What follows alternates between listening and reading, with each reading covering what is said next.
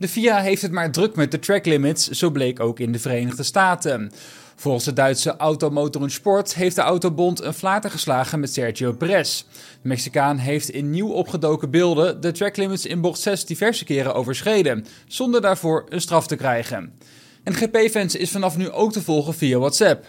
Hiermee komt er nog een manier bij om constant op de hoogte te blijven van het laatste nieuws rondom de Formule 1 en krijg je een directe manier om de artikelen te bekijken die dagelijks op onze website verschijnen. Klik even op het linkje in de beschrijving om ons te volgen op WhatsApp. De overschrijdingen worden gemeten door sensoren op de auto en daar is geen ruimte voor een grijs gebied. In Austin waren er 15 coureurs die door de stewards waren genoteerd voor track limits overschrijdingen. Perez werd maar één keer betrapt op zijn overschrijding. Toch blijkt het onderzoek van het Duitse medium dat vooral Perez van geluk mag spreken. In bocht 6 ging de Mexicaan namelijk vaker over de witte lijn dan de FIA had genoteerd. De Internationale Autosportbond beroept zich volgens Automotor en Sport op de beschikbare beelden en juist daar zou het probleem liggen. Zo waren er geen camera's aanwezig in bocht 6 die gericht waren op het precieze punt waar de overschrijdingen plaatsvonden. Als reactie op het Duitse medium laat de FIA weten dat er inderdaad na de wedstrijd werd geconstateerd dat er diverse overschrijdingen in bocht 6 plaatsvonden. Het beschikbare bewijs is niet voldoende nauwkeurig en consistent om de overtredingen vast te stellen. De FIA zal daarom de bewakingsinfrastructuur bijwerken om een betere dekking te garanderen, zodat mogelijke overtredingen in de toekomst tijdens de race op betrouwbare wijze kunnen worden gedetecteerd. Zo meldt de FIA dat Perez zich veilig kan wanen, omdat er simpelweg geen toezicht was. Dat wil de FIA voor de toekomst gaan verbeteren. Toch zouden er diverse coureurs zijn die de lucht hebben gekregen van de gemiste overtredingen van Perez. En die zijn vooral verrast dat de Mexicaan straffeloos het weekend in Austin heeft verlaten. De verwachting is dat het onderwerp wordt besproken tijdens de eerstvolgende driversbriefing. De organisatie in Mexico kondigt bij motorsport.com aan dat het aantal fans dat in de paddock aanwezig mag zijn sterk wordt verminderd ten opzichte van 2022.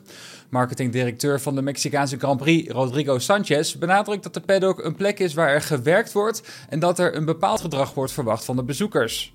In de paddock lopen vaak VIP's rond en fans die de portemonnee hebben getrokken om bij een Formule 1 Grand Prix aanwezig te zijn. Vorig jaar tijdens de Grand Prix van Mexico gingen enkele fans echter wel wat ver.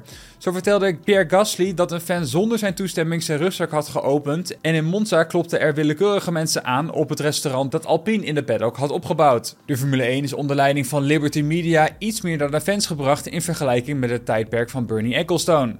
Toch ging het vorig jaar in Mexico net iets te ver in de ogen van Sanchez en dus moet dat dit weekend anders.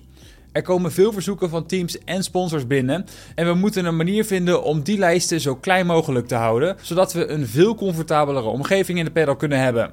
Sanchez hoopt dan ook een gedragsverandering te zien bij de fans die toegang hebben tot de paddock. De paddock is een werkgebied voor de coureurs en de teams. De weinigen die het voorrecht hebben om dit afgeschermde deel van het circuit te betreden, moeten weten hoe ze zich op een bepaalde manier moeten gedragen en wij vragen om voorbeeldig gedrag.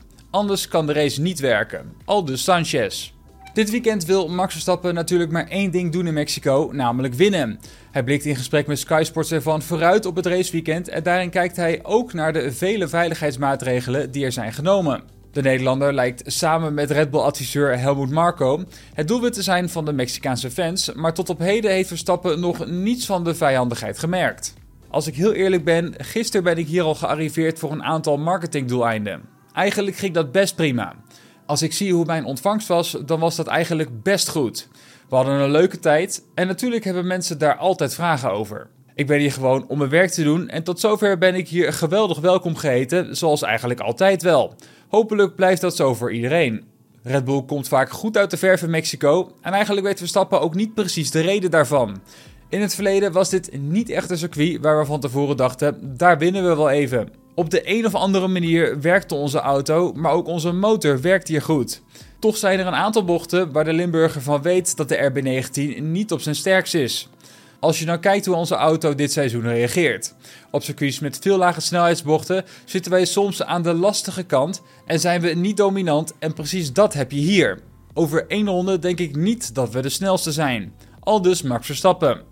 Ja, dit was hem alweer. Het GP nieuws op Spotify. Volg ons eventjes en dan zie ik jullie de volgende keer weer. Doeg!